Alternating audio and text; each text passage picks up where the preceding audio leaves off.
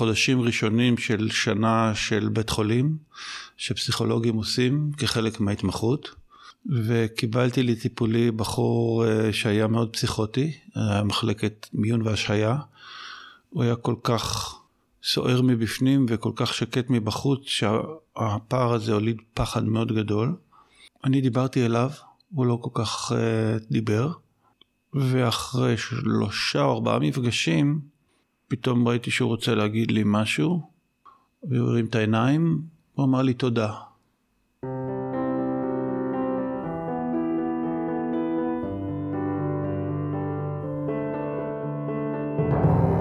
שלום, אני טלי אשר, ואתם על מי רוצה נס, פודקאסט שנועד להכיר לכם מקרוב את החיים לצד התמודדות נפשית.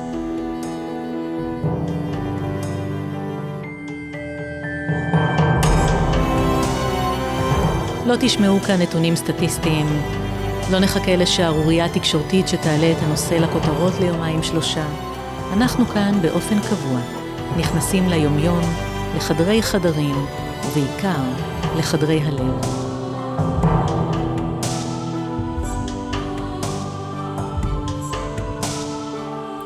איתנו היום יוראי ברק.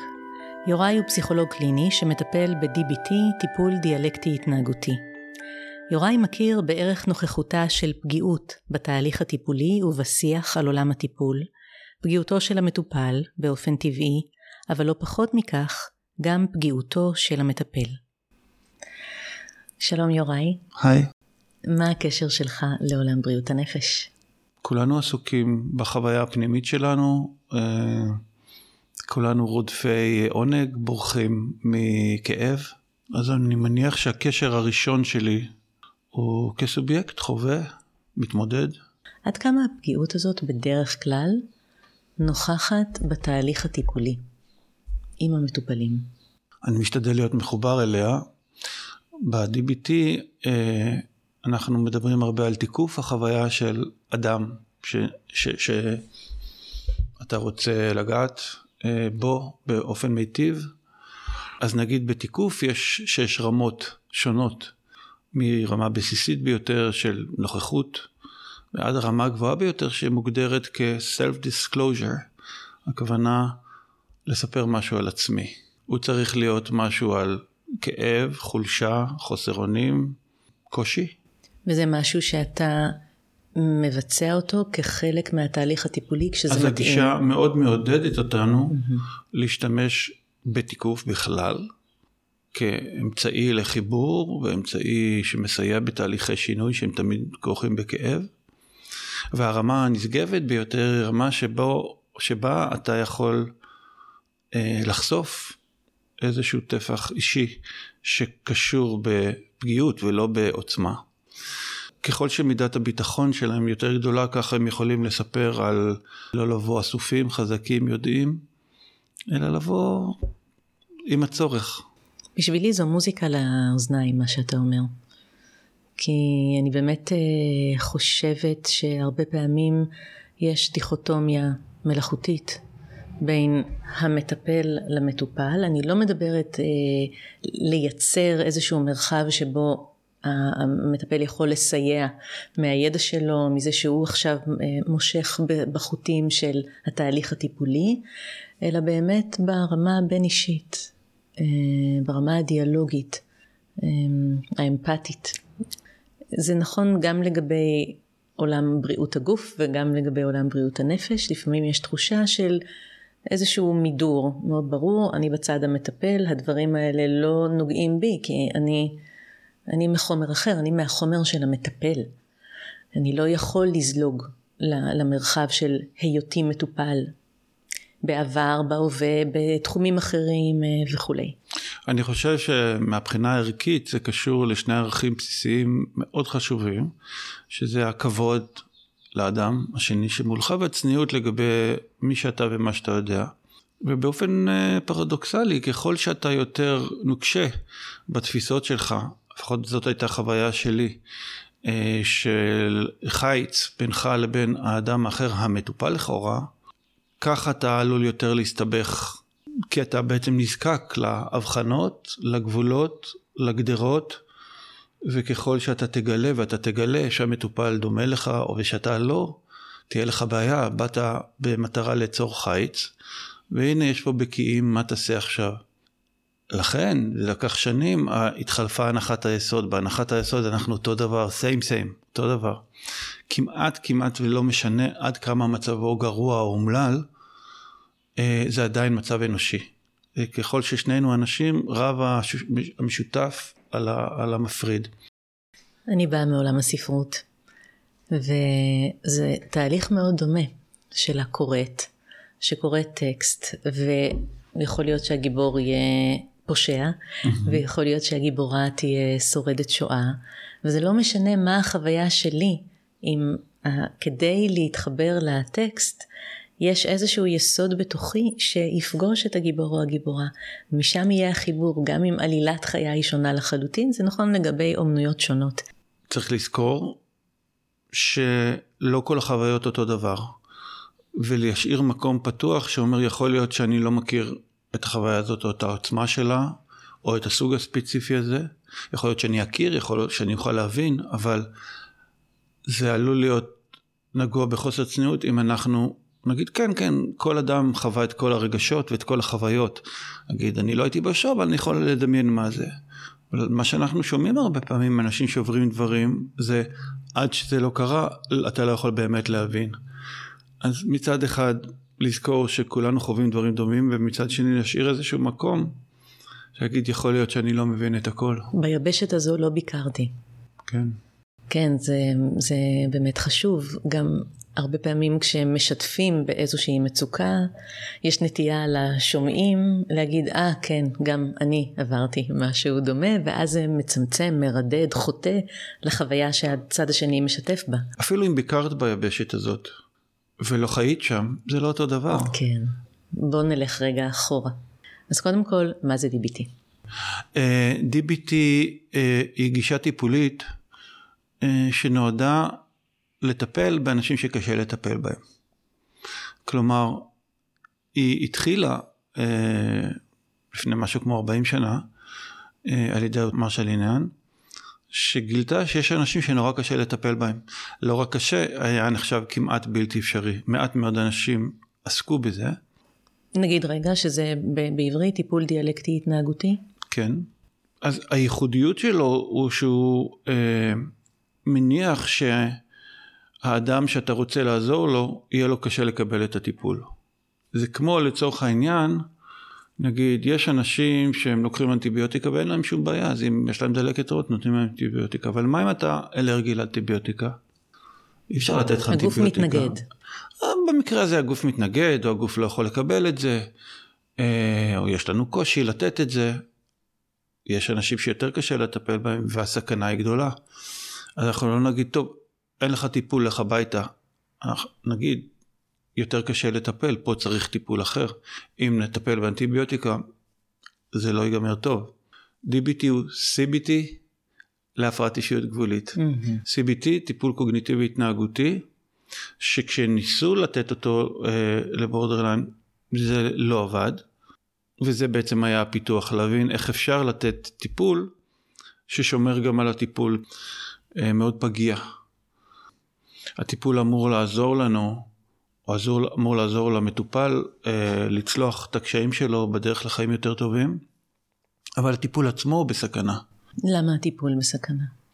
אני חושב שבהנחות שלנו אנחנו מקבלים את זה שהמטופל רוצה להשתפר. בתפקוד, בהרגשה, בחוויה, בהישגים של הערכים שלו. בפועל יש הרגלים אה, והתנהגויות שנלמדו, שיכול להיות שהיה להם אה, בהקשרים התפתחותיים סיבות טובות להתפתח, להילמד, והרבה נגיד חוויות של כישלון, שגורמות לדשדוש של המוטיבציה, מי שנכשל הרבה פעמים, ואנשים שניסו והפעילו את כל מה שהיה להם כדי להצליח בכל מקום, אם זה חברתית, אם זה לימודית, אם זה במשפחה, עם כל סיטואציה, וחוו חוסר הצלחה. אולי הם יכולים לנסח את זה עכשיו הפוך, הם, הם, הם יודעים להצליח בנגיד לא להיות אהובים. תחושה של שליטה ושל עולם שהוא צפוי ומאורגן. אולי הם לא פיתחו מיומנויות שנדרשות כדי להצליח.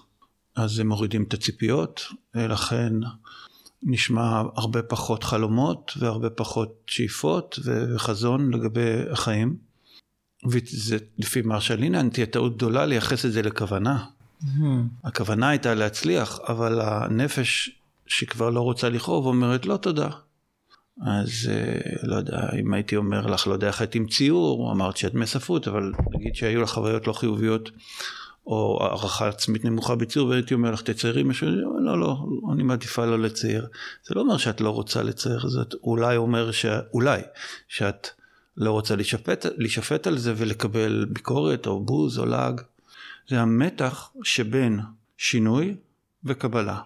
יש רצון לבנייה ופחד מבנייה נגיד, mm. או יש רצון לשינוי וקושי לעשות אותו. Mm. התוצאה יכולה להיות לפעמים הרס, ללא ספק. באיזה שלב מרשה לינהן מבינה שהדינמיקה הדיאלקטית היא חלק מהתהליך הטיפולי כשמדובר בהפרעת אישיות גבולית? כשהיא ניסתה ללכת על הקוטב של שינוי, שזה ה-CBT, פרוטוקולים נוקשים של אה, רק תעשה ככה, just do it. אז מה שהיא מתארת זה שהיא נשארה בלי המטופלים. היא הלכה בשנים הראשונות בכלל על המטופלים הכי קשים, אלה שממש שלחה מכתבים למרכזי בריאות הנפש באזור, כל מי שאתם לא יכולים לטפל, לא יודעים לטפל, לא רוצים לטפל, התייאשתי, התייאשתם, תשלחו אותו, היא קיבלה מלגה, grant כזה, ו... ואז היא לקחה את uh, uh, כלי השינוי של ה-CBT, והיא מתארת זה נטישה המונית. ואז היא פנתה לכיוון אחר ואמרה נעסוק בקבלה והייתה מושפעת עמוקות מרוג'רס. קרל רוג'רס. כן, קרל רוג'רס, פסיכולוג הומניסטי אה, אמריקאי. והיא טוענת, וזה הסיפור, שהיא ננטשה בדיוק באותו אופן.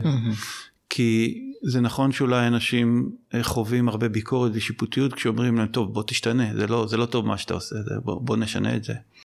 אבל מנגד גם קבלה אבל מוחלטת. אבל מנגד קבלה מוחלטת של אדם בסבל אומרת, טוב, אבל דיאלקטיקה הבסיס בגישה הזאת היא בין שינוי וקבלה. אנחנו רוצים כל הזמן לשנות ולהשתנות, אנחנו רוצים כל הזמן לקבל את מה שיש. אני רואה את השינוי כ- כמטרה, כיעד, אני רואה את הקבלה כאמצעי. כן.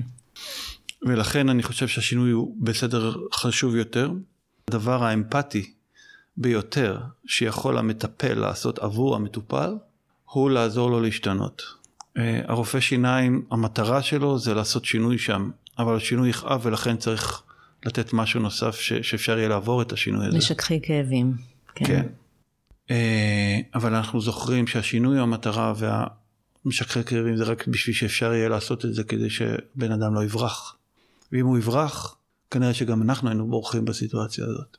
באיזה שלב מרשה לינהן בעצם חושפת את העובדה שהיא עצמה עברה התמודדות אה, מאתגרת בנעוריה, או שאני חושבת שגם היא עצמה מגדירה את עצמה כמישהי שחיה עם הפרעת אישיות גבולית? אני חושב שהיה לה מתח דיאלקטי. מצד אחד הרצון לשמור על פרטיות, בטח בשנים הראשונות לא לפגוע חלילה במעמד, גם ככה היא אישה, בשנות ה-80, מגיעה מאזורים של הדרום, אחרי אשפוז בין השנים 18 עד 20, אשפוז סגור. לא היה כדאי שידעו שהיא, אה, את מה שאחרי זה אפשר היה לדעת. אז הייתה לה אינטואיציה טובה, היא צברה כוח ובאמת הסתירה ממי שלא היה צריך לדעת. שמרה על עצמה. אז היא כבר הייתה מאוד מוכרת. אה, וכנראה מבוססת מספיק כדי להבין שכבר לא יקרה כלום. במקום בטוח. כן. והיא עשתה את זה בכמה מהלכים, שאחד מהם היה ראיון שער בניו יורק טיימס, ואין ספק שזה modeling, זה מתן דוגמה אישית לנו המטפלים ולמטופלים בדיאלקטיקה, לחשוף בזמן הנכון. כן. עם מה היא התמודדה כנערה? אמרת גילאי 18-20 היו השנים הקשות ביותר אולי? עם מה היא התמודדה? מטופלת שלי עם בורדרליין אה, אמרה שהחוויה שלה שבכל התחומים היא הייתה ליד. כאילו אתה חי עם איזה שכבת בידוד שמונעת ממך להשתתף במעמד שווה, או עם זכויות שוות, או עם חוויה דומה. זה להיות כל הזמן בשוליים. בשוליים, בזרות, בניכור. זה התשתית של ההפרעה, זאת לא הפרעה. אם זה נשאר ככה, זה אולי עוד איכשהו. על זה עכשיו מצטרפות כל מיני התנהגויות שבאות אה, להימנע מכאב, לברוח מכאב, להמתיק את הכאב. ובעצם מעמיקות את הכאב. ומעמיקות את הכאב. אז לדוגמה, חוויה של להרגיש חריגה בבית או פחות אהובה, היא יכולה נגיד לאתגר את המשפחה באופן שיגרום לה למצוא עוד עדויות לכאורה שהיא פחות אהובה, אז יש פה איזשהו מעגל וזה רק מחמיר. אה, בסופו של דבר, הסימפטומים אה, קופצים עליך, כלומר, אפשר לשים פה קו בין התשתית, שהיא חריגות, שונות, זרות, ניכור, אה, בושה, לבין היום הזה שבו פתאום מתחילים לחתוך את עצמנו, או לא ללכת לבית ספר, או להרעיב, או לאגור כדורים, או לנסות להתאבד, או לא לצאת מהמיטה. זאת אומרת, ברגע מסוים יתחילו דברים לקרות. גם שם יכול להיות שלב מוסתר, פגיעות עצמיות שהן מוסתרות, לעומת אה, מצבים שבהם יש צרחות בבית, אלימות, אה, והיא הגיעה למין מצב כזה שאי אפשר היה להסתיר, הכל היה מאוד בחוץ ומאוד סוער, והאשפוז היה אשפוז עם הגבלות, קשירות, בידודים, שאגב היא, היא, היא ממש ביקשה אותם, רק ככה הרגישה מוגנת. Mm. נגיד מרשלין הן, נולדת להקשר משפחתי אחר, וחיה ילדות אחרת, או נעורים אחרים. האם יכול להיות שלכאורה זה לא היה מתפרץ, או שבהינתן שזה מבנה האישיות שלה, אז כמעט כל אה, שרשרת אירועים או כל הקשר חיים היה בסופו של דבר מוביל להתלקחות הזאת או לדיסוננס הפנימי הזה. אה, מה שלינל אה, הביאה את התיאוריה הביוסוציאלית שלמרות שיש לה שם אולי טיפה מפוצץ זה בעצם השילוב בין ההשפעות של תורשה וסביבה והאינטראקציה ביניהן. והטענה שלה זה שיש פה נדנדה. נגיד רגע מה זה הביולוגי ומה זה השפעת הסביבה. הביולוגי זה איזושהי רגישות מוגד... מולדת, רגישות לרגשות, רגישות לתחושות. זה הרבה פעמים מתחיל מהרגישות החושית, מהטמפרמנט. לא כולם נולדים אותו דבר, יש תינוקות שישנים ואוכלים ורגועים, ויש תינוקות יותר עצבניים וסוערים ותנודתיים, וזה ביולוגי, זה מהרחם, זה מהלידה, אנחנו יודעים את זה. והסביבה, הסביבה זה באיזה מידה, הסביבה נותנת מענה הולם, מלמד, מרגיע, אז בעצם יש פה השפעה הדדית. אז נגיד ילד או תינוק או תינוקת שהם מאוד עצבניים או תלותיים או חרדתיים בהתנהגות שלהם, יכולים להוליד אצל האימא או האבא, אצל מי שמטפל בהם, תחושות שישנו את האופן שבו הם מתייחסים. ואז אם הם ישנו את האופן שבו הם מתייחסים זה יכול להיות לחיוב, זה יכול להיות לשלילה מבחינת מי שמקבל. אז בעצם אחים באותה משפחה יכולים לקבל הורים מאוד שונים רק מזה שההורים מגיבים שונה לכל ילד. ילד שמחייך, את יודעת שלתינוק יש רפלקס, אחד הרפלקסים הראשונים שמופיע הוא חיוך. עכשיו תארי לך שבת תינוק ויש לו קלקול במערכת החיוך. הוא פשוט לא מחייך. אז הוא גם לא מקבל חיוכים.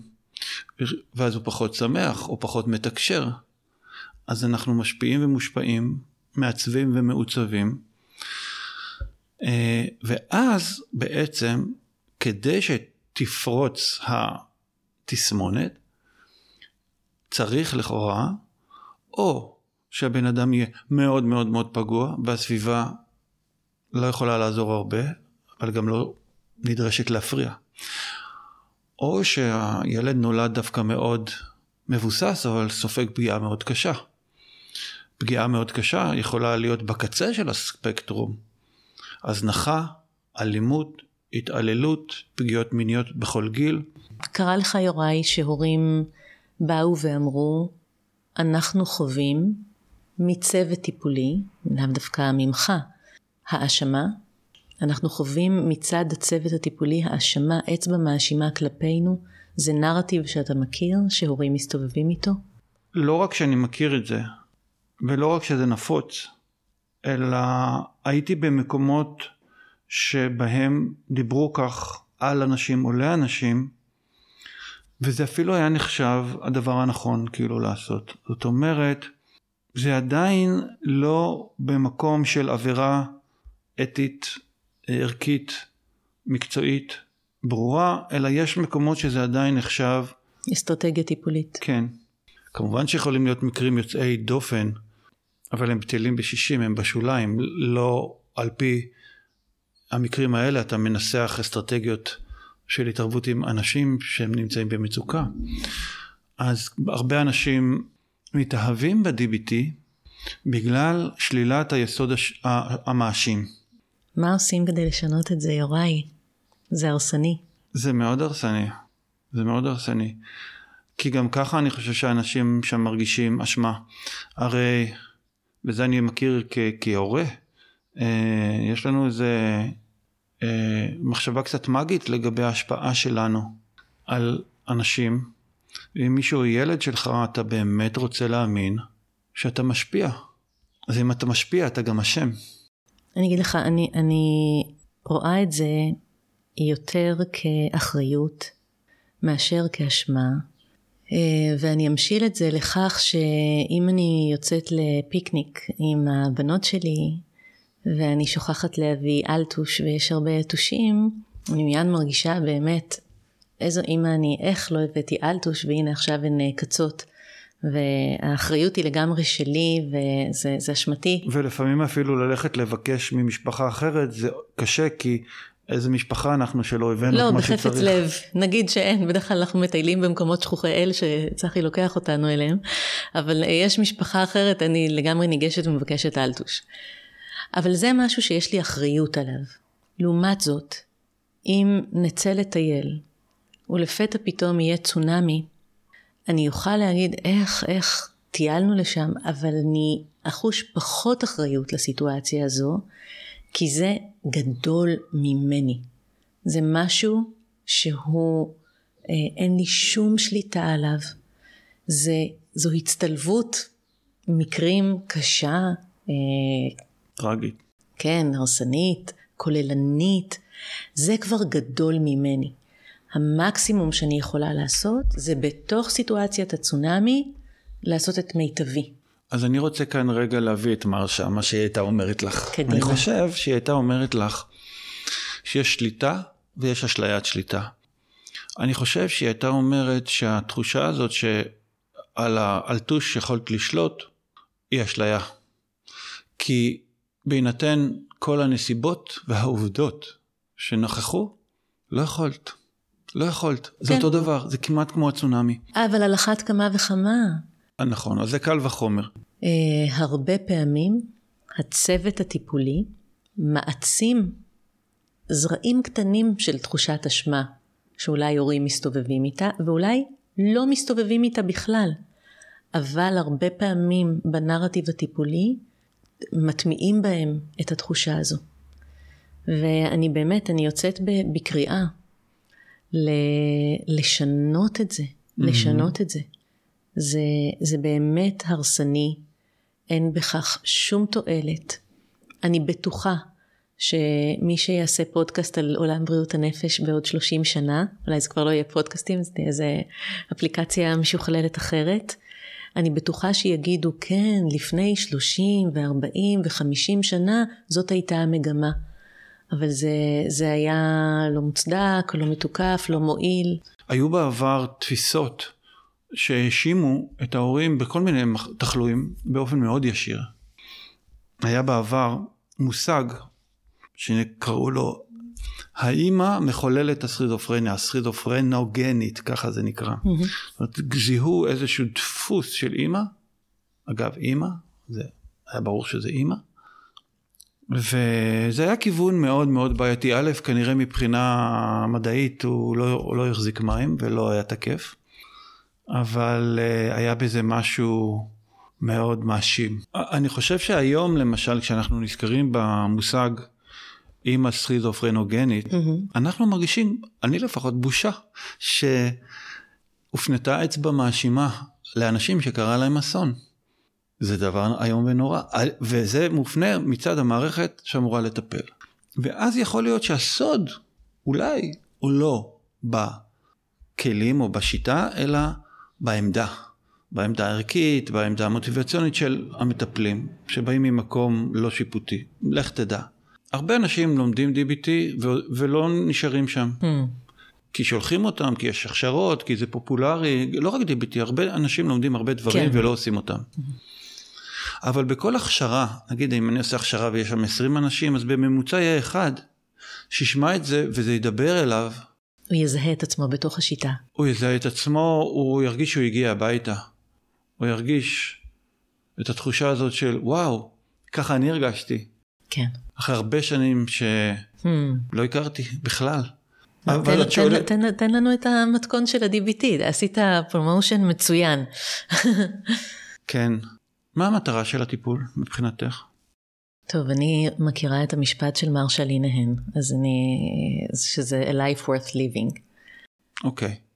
אז בעצם ההגדרה של מה תכלית הטיפול, מה הפונקציה של הטיפול, היא להגיע לחיים שכנראה לא נגיע אליהם אם נמשיך בדרך הזאת. יש לפחות שני מסלולים, יש את המסלול של ההווה ויש את המסלול של העתיד. אז זה לעלות על מסלול אחר. המסלול הזה לא מוביל למקומות טובים, ולצערנו זה גם מחמיר.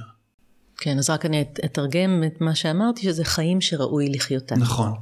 חיים שיש בהם גם שמחה, חיים שיש בהם הרבה משמעות, חיים שיש בהם עניין, חיים שיש בהם פשר, חיים שיש בהם... אתה יוצק, אה, אתה, אתה יוצק תחושות או ערכים לתוך החיים האלה. וזה גם מה שמרשה מבקשת מאיתנו לעשות. כן. ואז ההנחה היא שכל מה שאנחנו צריכים לעשות בטיפול הוא ללמוד התנהגויות חדשות וליישם אותן בחיים החדשים או במסלול החדש, כיוון שהתנהגויות שפעם היו יעילות כמו בריחה, כרגע מסבכות אותנו. אז מה זה הטיפול? הטיפול הוא למצוא את הערכים שלנו, להיזכר בהם, כי הרבה פעמים הם ננטשו לצד הדרך בגלל כישלון, בגלל אכזבה. לנסוע אחורה, להביא את הערכים או, או קדימה, להגיד זה מה שהייתי רוצה שיהיה. אה, וכל כך הרבה פעמים אני נתקל במטופלים שהתגובה שלהם זה אני לא יודע. אבל מהר מאוד אתה מגלה שהלא יודע את זה, זה פשוט, אני מעדיף לא לזכור מה רציתי, כדי שלא יכאב. קריסטין דנקלי, היא מדברת על uh, מישהו לאהוב, משהו לעשות באיפשהו לגור. טיפול מתחיל מלשם מה. אוקיי? okay? אנחנו לא יוצאים לדרך בלי שנדע מה שאנחנו נרצה להשיג. ויש פה דבר שחשוב להדגיש. הרי יש התנהגויות שנורא מפתות להגדיר אותן כמטרת הטיפול. ללכת לעבודה זאת מטרת הטיפול. או להפסיק פגיעה עצמית. מטרה מאוד חשובה. הפסקת פגיעה עצמית זה לא מטרה. בואי נחשוב על אדם שלא פוגע זו ולא מכור ולא עושה כל מיני התנהגויות. האם הוא מאושר? לא. הוא יכול לא לעשות כלום. אז כאילו יש לנו שני מישורים שונים שהם בכלל לא באותו ספירה. המישור הראשון הוא מישור המשמעות. לא העושר, המשמעות. יש רגעי עושר גם, יש רגעי סיפוק. Mm-hmm. והמישור השני הוא מישור הכאב. המטופל כל הזמן מקדיש מחשבה להפחתת כאב, ומשם הוא מסתבך. כשכואב מדי, יש פגיעה עצמית. אז מה זה פגיעה עצמית? פתרון. למה? לכאב. נגיד מחשבה אובדנית, אז אני אלך, אז אני אסתלק. אם אני נוסע באוטובוס מחניק, ולא יכול לשאת את זה יותר, על מה אני חושב? על לרדת. לצאת, זה הפתרון. אז כשאנחנו אומרים את זה למטופלים, זה בעצם ניסוח שלא תמיד הם חשבו עליו, הוא מאוד אמפתי, והוא מאוד uh, משמעותי, וזה בעצם מהות הטיפול. אנחנו רוצים להגיע לנקודה שבה החיים יהיו יותר טובים. כל ההתנהגויות האלה באות להפחית כאב ובטווח הארוך הן מוסיפות כאב. אה, המיומנויות שאנחנו מדברים עליהן, אז המיומנויות הראשונה היא, והבסיס לכולם היא הקשיבות, המיינדפולנס, ואחרי זה עוד שלוש מיומנויות, אחת בוויסות רגשית, איך לזהות רגשות, איך לשנות רגשות, איך להתמודד עם רגשות, איך להשתמש בהם. המיומנות הבאה היא יעילות בין אישית, זאת אומרת, כיוון שהמון מהרגשות שלנו אה, נועדו לצרכים בין אישיים של תקשורת, אז המון מהטריגרים יהיו בין אישיים והמון מהסיבוכים יהיו בין אישיים, עם האנשים הכי קרובים. והדבר הרביעי שאולי צריך היה להמר ראשון, זה, אה, יש לזה שני שמות יפים בדרכם, ערכת הישרדות אה, למצבי מצוקה, קוראים לזה גם אה, עמידות במצוקה. זאת מיומנות שאומרת אנחנו ברגעים מסוימים לא נוכל לשנות את המצב, נוכל רק להחזיק מעמד אל מול הדחף שלנו להחמיר את המצב. אז לדוגמה יש מיומנות שאנחנו מאוד אוהבים שנקראת STOP, ראשי תיבות, אז ה STOP יהיה באמת stop, קודם כל תעצור, אל תזוז בכלל, אל תזוז, אל תזוז כמו freeze כזה. ואחרי זה take a step back, take a step back זה אומר שאתה יכול להגדיל את שדה הראייה, יותר קשה לך להגיב כשאתה רחוק. אז אם אפילו נגיד הדחף הוא אלים ואתה רחוק, אתה כבר שומר.